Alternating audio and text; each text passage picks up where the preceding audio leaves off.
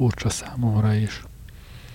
Miközben a jövő heti adásra készülöttem, beleütöttem egy szerzőbe, akit be kell valljam, nem nagyon szívlelhetek. Se őt, se igazából a muzsikáját. De csak úgy elmenni mellette mégsem lehet. Úgyhogy úgy gondoltam, hogy műsoron kívül összepárosítom őt egy másik szerzővel, akit viszont igencsak kedvelek, sőt egyik kedvencem. És ebből lett a mai műsor. A kapcsolat nem csak abban az ellentétben áll, hogy az egyiket nem igazán kedvelem, a másikat viszont nagyon. Van más kapcsolat is.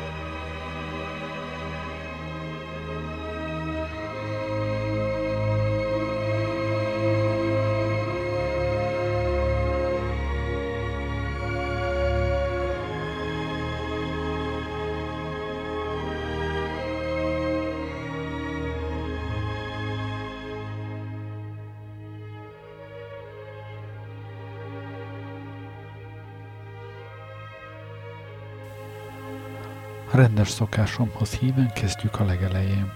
Ehhez vissza kell mennünk az időszámításunk előtti 6. századba. A zsidók egyik csoportja visszatért a babiloni fogságból, hogy felépítse a Jeruzsálemi templomot, amelyet Nabucodonosor 70 évvel azelőtt lerombolt.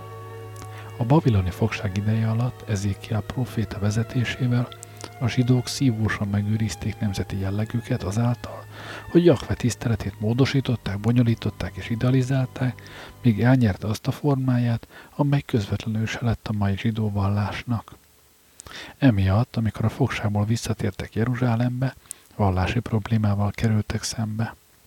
Voltak olyan zsidók, akik az egész babiloni fogság ideje alatt ott éltek az egykori Júdeában, és Jahvét az általuk helyesnek tartott, hagyományos ritósokkal tisztelték. Mivel legfőbb városuk, Jeruzsálem leromboltatván Szamária volt, a visszatérő zsidók szamaritánusoknak hívták őket. A szamaritánusok nem fogadták el a visszatérő zsidók új divatú módosításait, a zsidók pedig visszajogtak a szamaritánusok ósdi hiedelmeitől. Oldhatatlan gyűlölködés alakult ki köztük, Olyan fajta, amelyet csak elmélyít az, hogy a hitbéli különbségek viszonylag jelentéktelenek. Aztán persze éltek még azon a területen olyanok is, akik egészen más isteneket tiszteltek. Az ammoniták, az edomiták, a filiszteusok, és így tovább. A zsidók visszatérő népére elsősorban nem katonai nyomás nehezedett, hiszen az egész terület Perzsa birodalom többé-kevésbé jótékony uralma alatt állt, hanem egy voltaképpen talán még erősebb társadalmi nyomás. A szertartásokat nehéz szigorúan megőrizni sokkal nagyobb számú más hitű ellenében, és a lazulás szinte elkerülhetetlen volt. Ráadásul a visszatérő ifjú férfiakat vonzották a kéznél levő nők, és sokan vegyes házasságot kötöttek.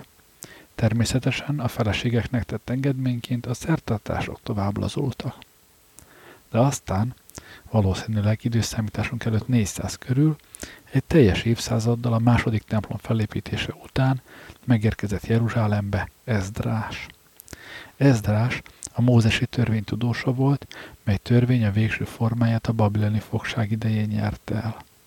Elszörnyedt az elébe táruló visszaesésen, és lármás megújhodási kampányt indított, összehívta a népet, elkántáltatta velük a törvényt, megmagyarázta értelmét, felébresztette bennük a vallási rajongást, és felszólította őket bűneik megvallására és hitük megújítására. Rendkívüli szigorral követelte például, hogy taszítsanak ki minden nem zsidó asszonyt és a tőlük származó gyermekeket. Véleménye szerint csak így lehet megőrizni a szigorú judaizmus szentségét. Hogy a Bibliát idézzem, ekkor felállt Ezdrás pap, és így szólt hozzájuk. Hőtlenek lettetek, amikor idegen asszonyokat vettetek feleségül, és így csak szaporítottátok Izrael védkeit. Most hát dicsőítsétek meg az Urat, atyáitok Istenét, teljesítsétek akaratát, és különüljetek el a föld népétől és az idegen asszonyoktól. Erre az egész gyülekezet hangosan azt felelte, kötelességünk azt tenni, amit mondtál. Attól kezdve a zsidóság egész az elkülönülés útjára lépett, önszántukból elzárkóztak a többiektől, és egyre több olyan különleges szokást alakítottak ki, amelyek még jobban nyomatékosították különállóságukat. Mindez hozzájárult ahhoz, hogy önmaguk maradhassanak minden eljövendő nyomorúság és katasztrófa közepette, a válságok, számüzetések és üldöztetések viharában, amely töredékeiket szétszórta az egész világon. De természetesen az elzárkózás meg is gátolta, hogy beilleszkedjenek a társadalomba, és olyan feltűnővé tette őket, hogy hozzájárult a számüzetést és az üldöztetés lehetővé tevő körülmények kialakulásához. A zsidók közt nem mindenki vallotta ezt az elzárkózási elvet. Voltak néhányan, akik úgy gondolták, hogy Isten szemében minden ember egyenlő, és senkit sem szabad kirekeszteni a közösségből pusztán azért, mert valamilyen más csoporthoz tartozik. És valaki, aki ezen a nézetten volt, de mindörökké névtelen maradt, megkísérelt egy rövid történelmi példatot kéretében kifejteni véleményét. Ennek az időszámításunk előtti negyedik századi elbeszélésnek egy moábita nő, Rút a hőse. A történetet úgy adta elő a szerző, mintha a bírák idejében esett volna meg, ezért a hagyomány azt tartotta, hogy Sámuel próféta írta az időszámításunk előtti 14. században. De ezt egyetlen mai biblia tudós sem veszi komolyan.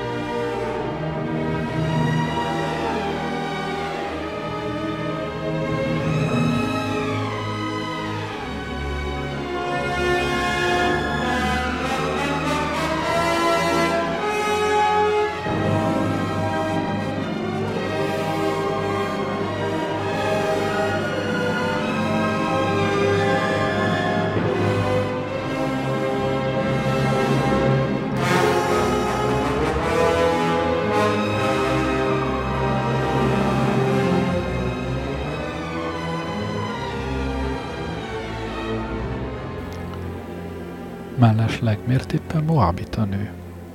A jelek szerint a fogságból visszatérő zsidók között fennmaradtak azok a mondák, amelyek az ezer évvel azelőtti Mózes, majd Józsua vezette kánáni honfoglalásról regéltek. A honfoglalás idején Moab, a Jordán alsó folyásától és a Holtengertől keletre fekvő kis ország érthetően megadva az erőszakos sivatagi portyázók behatolásától szembeszállt velük. Nem csak megakadályozták, hogy a zsidók átvonuljanak területükön, hanem a hagyomány szerint segítségül hívtak egy látnokot, Bileámot, hogy varázs erejével hozzon bal szerencsét és pusztulást a hódítókra. Ez nem járt sikerrel, és Bileám távoztában állítólag azt a tanácsot adta Moáb királyának, hogy a moábita lányok próbálják meg elcsavarni a sivatagi rablók fejét, ezzel talán megtörhetnék zord elszántságokat. A Biblia a következőt mondja. Amikor Izrael Szittimben táborozott, a nép kikezdett Moáb lányaival. Ezek meghívták a népet az isteneiknek bemutatott áldozatokra, és a nép részt vett az áldozati lakomákon, és leborult isteneik előtt. Izrael a peorbeli bálnak szolgált. Erre feltámadt az úr hangja Izrael ellen. Ennek eredményeképpen a Moabita nő lett a megtestesítője minden olyan külső befolyásnak, amely nemi vonzerejével törekedett a jámbor zsidók megrontására. Olyannyira, hogy Moábot és a vele szomszédos északi királyságot, Ammont külön kiemeli a mózesi törvény. Sem Ammonita, sem Moabita nem léphet be az úr közösségébe, még a tizedik nemzedékük sem. Mivel Egyiptomba való kivonulásotok idején útközben nem mentek elétek kenyérrel és vízzel, és mert fölbérelte Bileámot, hogy mondjon rád átkot. Ne kívánj nekik, amíg csak élsz, jó sorsot és szerencsét.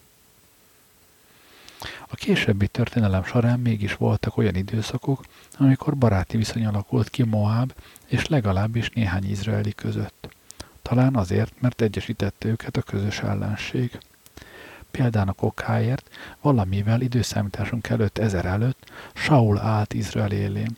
Visszaverte a filiszteusokat, legyőzte az amalekitákat, és Izraelt olyan hatalmasá tette, amilyen még sose volt. Moab természetesen tartott ettől a terjeszkedési politikától, de hát támogatott mindenkit, aki Saul ellen lázadt. Ilyen lázadó volt a betlehemi Dávid, egy júdai harcos.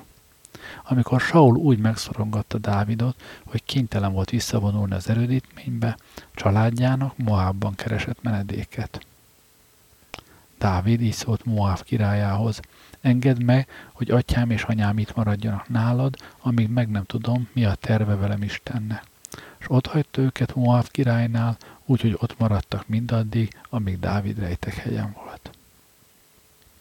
Amikor aztán végül Dávid kerekedett felül, először Júda, majd egész Izrael királya lett, és olyan birodalmat hozott létre, mely magába foglalta a földközi tenger egész keleti partvidékét Egyiptomtól az Eufráteszig, szövetségben a független feníciai városokkal. A zsidók mindig aranykorként tekintettek vissza Dávid és fia Salamon uralkodására.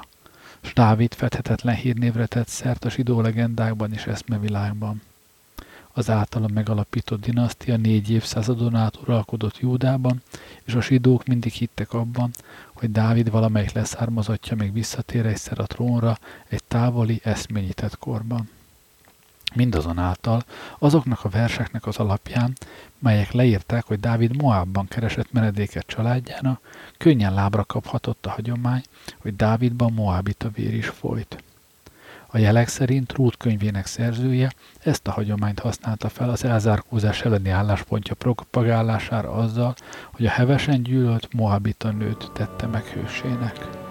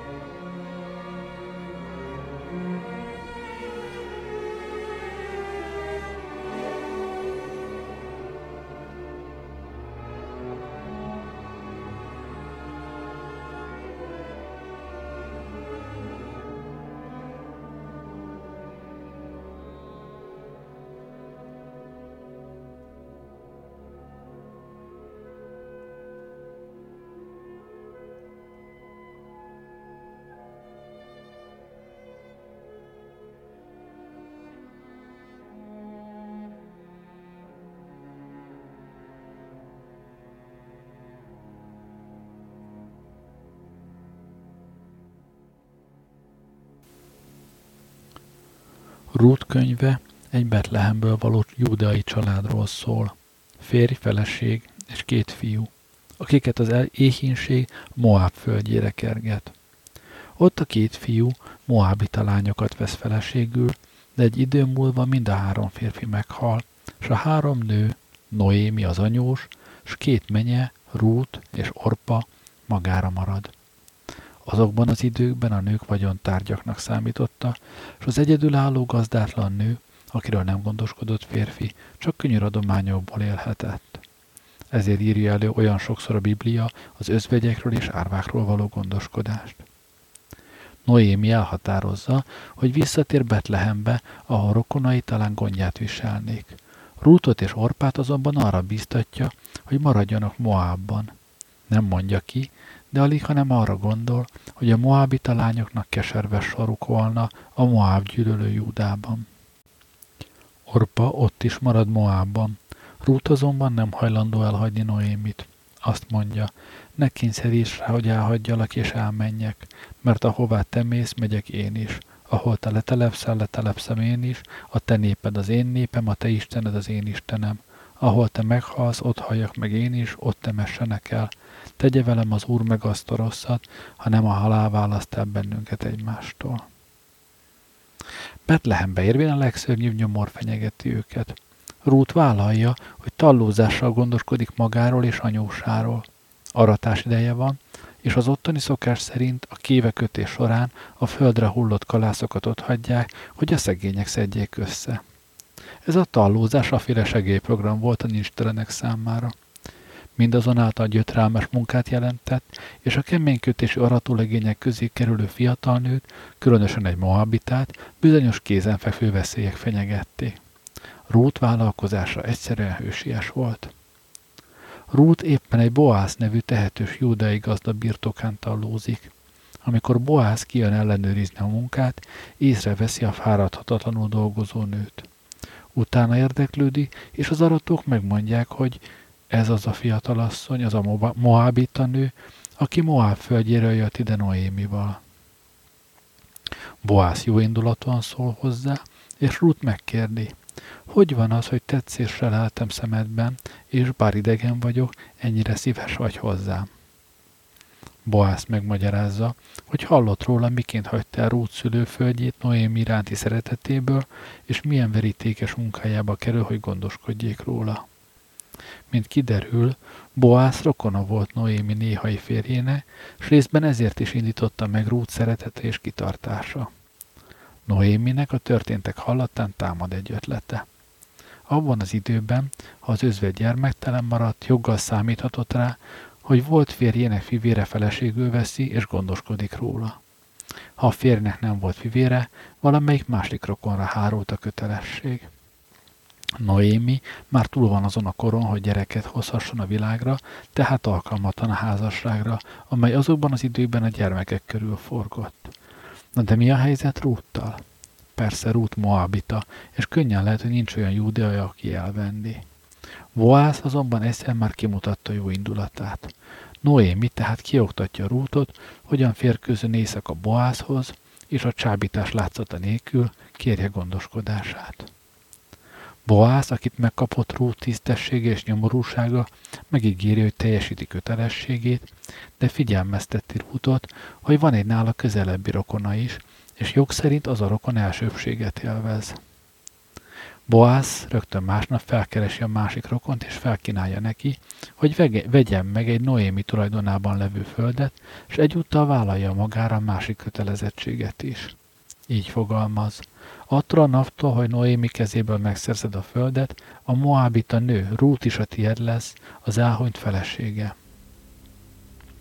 Lehet, hogy Boász finoman megnyomja a Moabita jelzőt, mert a másik rokon azonnal nemet mond. Így hát Boász feleségül veszi Rútot, aki idővel fiat szül neki. A büszke és boldog Noémi a keblire öleli a gyermeket, és barátnői azt mondják neki, legyen vigasztalód és gyámolod öregségedben, mert mennyet szülte, akit szeret téged, többet jelent neked, mintha hét fiad volna.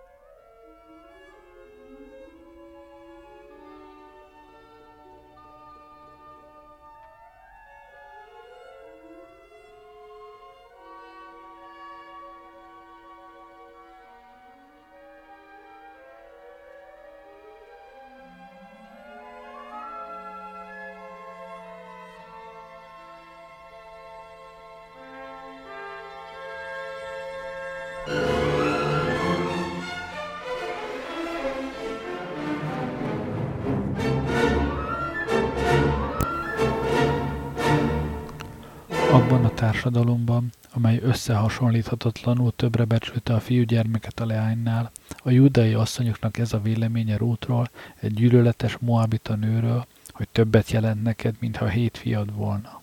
Ezt a tanulságot vonja le a szerző, hogy a nemesség és erény minden embercsoportban fellelhető, és senkit sem szabad eleve elítélni egyszerűen valamely csoportba tartozása miatt. És ezután, hogy döntő érvet mondjon azoknak a zsidóknak, akiknek nacionalizmusáról lepatogna a puszta idealizmus, így fejezi be a történetet. A szomszédasszonyok nevet is adtak neki, Noéminak fia született, mondták, és elnevezték Obednek. Ő lett az atya Dávid atyának, Izájnak.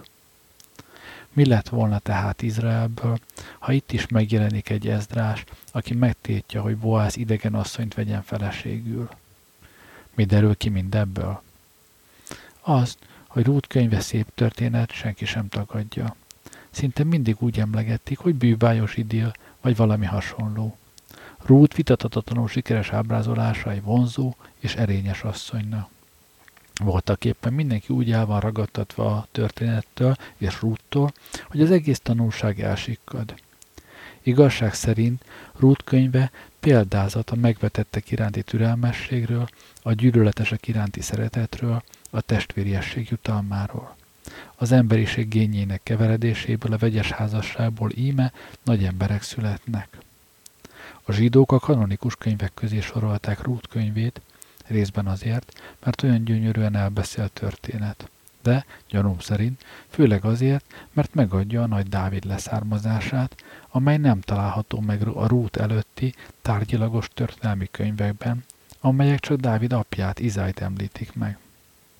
A zsidók azonban nagyjából egészében megmaradnak az elzárkózásban, és nem fogadták meg Rút könyvének univerzalista tanítását de az emberek azóta sem szívlelték meg a tanulságot.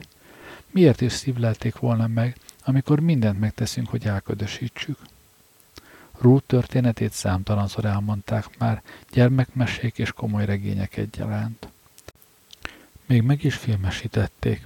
Ruthot magát illusztrációk százai ábrázolják, és minden illusztráción, amelyet csak láttam, Ruth szőke, kékszemű, formás és gyönyörű volt. Tipikus északi szépség. Az Isten szerelmére miért ne szeretett volna bele Boász? Mitől volt olyan nagy dolog, hogy elvette? Ha egy ilyen lány a lábam elé hull, és alázattal megkér, hogy teljesítsem kötelességemet, és vegyem feleségül, alig, ha nem gondolkodás nélkül megteszem. No, persze Moabita volt, de mit számít az? Jelent valamit az olvasónak a Moabita szó? Ébreszt valamilyen ellenséges érzületet? Sok Moabita van az ismerősei között? Megkergette mostanában a gyerekét egy mocskos Moabita galeri? Lementek miattuk a környéken a lakására? Mikor hallotta utoljára, hogy ki kéne írtani ezeket a tetves moabitákat, csak lopni tudnak vagy koldulni? Tulajdonképpen abból ítélve, ahogy rútot ábrázolni szokás, a moabiták angol arisztokraták is lehetnéne, akiknek jelenléte emeli a hely pompáját. Az a bökkenő, hogy Rút könyvében lefordítatlanul marad egy szó, a kulcs szó, a moabita, és amíg lefordítatlan marad, addig elsikkad a tanulság is. A moabita szó tényleges tartalma, olyan csoportból való, akik nem kapnak, de nem is érdemelnek tőlünk mást, csak gyűlöletet és megvetést. Hogy lehetne ezt a szót lefordítani egyetlen másik szóval, amely ugyanazt jelenti, teszem azt sok mai görögnek. Úgy, hogy török. És sok mai töröknek úgyhogy görög, és sok mai amerikai fehérnek, úgyhogy néger. Hogy megérezzük Ruth könyvének igazi légkörét, javaslom, nem moabita nőként gondoljunk Rútra, hanem négernőként. Olvassuk el újra Ruth könyvét, és valahányszor moabitát látunk, fordítsuk le négerre. Noémi, képzeljük csak el, visszatér az Egyesült Államokba két néger menyével. Nem csoda, hogy inti őket attól, hogy vele jöjjenek. Az a csoda, hogy Ruth annyira szereti anyósát, hogy hajlandó dacolni az őt esztelenül gyűlölő társadalommal, hogy hajlandó tallózni az éhes nézésű aratók mögött, akiknek a legcsekélyebb indokuk sincs arra, hogy megkíméljék. És amikor Boász megkérdezi, hogy Ruth kicsoda, ne úgy olvassuk a választ, hogy Moabita nő, hanem úgy, hogy egy négernő. Sőt, minden valószínűség szerint az aratók inkább valami ilyesmit mondhatnak Boásznak. Egy lány. Gondolják át e szerint. Rá fognak jönni, hogy az egész tanulság a lefordításból, és csak is a lefordításból derül ki. Boász elhatározás, hogy hajlandó elvenni rútot, mert rút erényes, nem pedig mert északi szépség, nemes jelleget tölt. A szomszédság megjegyzése, hogy Ruth többet jelent Noéminak, mintha hét fia volna, olyan véleményé válik, amit csak elsőprő erejű bizonyítékok kényszeríthettek ki belőlük. És az utolsó mozzanat, hogy ebből a fajgyalázásból nem más született meg, mint a nagy Dávid, lélegzettel állító.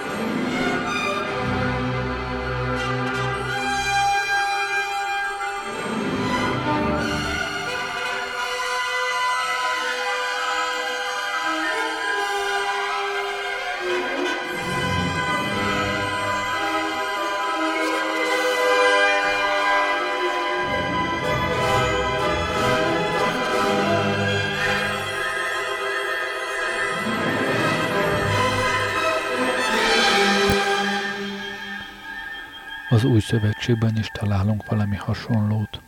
Egy alkalommal egy törvénytudó megkérdezi Jézust, mit kellene cselekednie, hogy elnyerje az örök életet. Majd saját magának ad választ. Szeresd uradat, Istenedet teljes erődből és teljes elmédből, embertársadat pedig, mint saját magadat. Ezek az intelmek természetesen az Ószövetségből származnak. Az embertársról szóló utolsó rész eredete ez a vers. Ne légy bosszúálló, és ne gyűlölködj népet fiaival, szeresd embertársadat, mint magadhoz hasonló embert. Az új angol biblia fordítás itt jobban cseng, mint a klasszikus. Szeresd embertársadat úgy, mint magadat. Hol az a szent, aki igazán úgy tudná átérezni mások fájdalmát vagy gyönyörét, mint a magáét? Nem szabad túl sokat követelnünk. De ha egyszerűen elfogadjuk, hogy más valaki magunkhoz hasonló ember, akkor legalább tisztességes bánásmódot érdemel.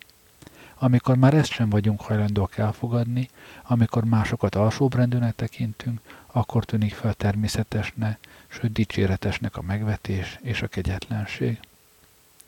Jézus helyesli a törvénytudó válaszát, de azt üstén megkérdezi. Kit tekintsek embertársamnak? Elvégre a Levitek könyvében először arról van szó, hogy tartózkodj a bosszútól és a gyűlölködéstől népet fiaival. Nem lehetne tehát az embertárs fogalmát leszűkíteni az atyafiságra, a hasonszőrűekre? Válaszként Jézus elmondja a talán legnagyszerűbb példázatot, az utasról, aki rablók kezébe került. A rablók megtámadták és kifosztották, majd félholtan otthagyták az út szélén. Jézus folytatja. Történetesen egy pap tartott lefelé az úton. Észrevette, de elment mellette. Ugyanígy közeledett egy levita is. Látta, de tovább ment. Végül egy szamáriainak is arra vitt az útja. Amikor meglátta, megesett rajta a szíve. Oda ment hozzá, olajat és bort öntött a sebeire és bekötözte, magát az ember pedig felültette teherhordó állatára, elvitte egy fogadóba és ápolta. Ezután Jézus megkérdezi, hogy vajon ki volt az utas embertársa. A törvénytudó kénytelen ezt felelni, aki irgalmas szívű volt iránta. Ezt a történetet az irgalmas szamaritánus példázataként ismerik, noha a példázatban sehol sem nevezik irgalmas szamaritánusnak a megmentőt, csak egyszerűen szamaritánusnak, szamáriainak. A példázat erejét teljesen elveszi a közkeletű irgalmas szamaritánus kifejezés, mert hamis megvilágításba helyezi azt, hogy kik voltak a szamaritánusok. Ha egy szabad asszociációs tesztben azt mondanánk szamaritánus, alig ha nem mindenki rávágná, hogy irgalmas. Úgy belénk súlykolódott már a szamaritánusok irgalmassága, hogy magától értetődőnek veszük a példázatbeli szamaritánusok viselkedését, és nem egészen értjük, mit emel ki rajta Jézus. Megfeledkezünk róla, hogy kik voltak a szamaritánusok Jézus idejében. A zsidók szemében a legkevésbé sem voltak irgalmasak. Gyűlölt, lenézett, megvetésre méltó eretnekek voltak, akiket minden valamire való zsidó elkerült. A tanulság java megint elvész lefordítatlanul. Mondjuk inkább, hogy egy fehér utazót fosztanak ki, és hagynak félhaltan az út szélén Mississippi államban. És mondjuk egy lelkész és egy diakónus megy arra, és nem akarnak semmibe belekeveredni. És mondjuk egy néger arató munkása az, aki megáll, és gondjaiba veszi az utast és most kérdezzék meg önmaguktól, ki az az embertársuk, akit magukhoz hasonló emberként kell szeretniük ahhoz, hogy üdvözüljenek. Az irgalmas szamaritánus példázatában világos, hogy nem lehet semmi elfogultság az embertárs fogalmában, hogy nem lehet a tisztességes bánásmódot saját csoportunkra, saját fajtánkra korlátozni. Az egész emberiség, azok is, akiket a legjobban lenézünk, embertársunk. Tehát két példánk is van a Bibliában. Rút könyve és a példázat az irgalmas szamaritánusról, olyan tanításokra, amelyek veszendőbe mennek lefordítatlanul, noha ijesztően ráillenek korunkra. Az egész világon szemben állnak egymással az emberiség részei, melyeket fajta, állampolgárság, gazdasági rendszer, vallás, nyelv sorol különböző csoportokba úgy, hogy nem embertársai egymásnak. Az egységes biológiai faj közötti ilyen többé-kevésbé önkényes megkülönböztetése hallatlanul veszélyesek, és éppen a legveszélyesebbek itt az Egyesült Államokban, ahol a legádázabb ellentét, mondanom sem kell, a fehérek és a feketék között feszül. Az általános túlnépesedés gondját leszámítva, az emberiségre nem leselkedik ennél nagyobb veszély, különösen az Egyesült Államokban. Úgy látom, hogy a fehérek és a feketék is évről évre nagyobb mértékben folyamodnak haragjukban és gyűlöletükben erőszakhoz. Józanésszel nem tudom elképzelni, hogy az erőszak állandó terjedése máshoz vezethetne, mint tényleges polgárháborúhoz. Ebben a polgárháborúban a fehérek, akik számban és szervezettségben túlsúlyban vannak, minden valószínűség szerint győznének. Ennek a győzelemnek azonban hatalmas anyagi, és azt hiszem végzetes erkölcsi kár lenne az ára. Miért? Olyan nehéz felfogni, hogy végső soron mindannyian embertársak vagyunk. Nem tudjuk egyik oldalon sem, egyik oldalon sem megfogadni a bibliai tanulságot. Vagy ha a biblia idézgetése túl finomkodónak, Jézus szavainak ismételgetése pedig túl ájtatoskodónak látszik, fogalmazunk másképpen, gyakorlatiasan. Az, hogy gyűlöletet érezhetünk, olyan olyan pazar élvezete, hogy megéri egy fehér-fekete polgárháború anyagi és erkölcsi poklát? Ha a válasz csak ugyan igen, akkor nem marad más az embernek, mint a kétségbeesés.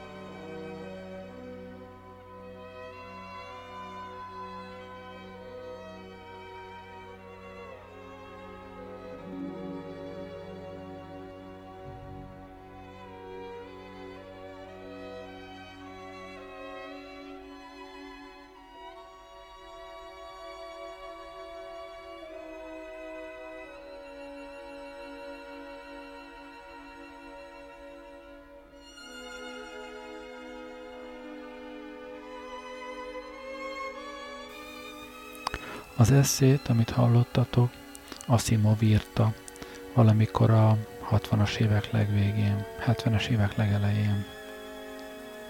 Nem volt igaza, az Egyesült Államok úgy néz ki, többé-kevésbé talán ki tudott gázolni az akkori helyzetéből. De hát vannak más helyek is a Földön. Az eszételt Asimov írta, a zenét Richard Strauss írta a 20. század küszöbén. Nem véletlenül kerültek ők egy műsorba.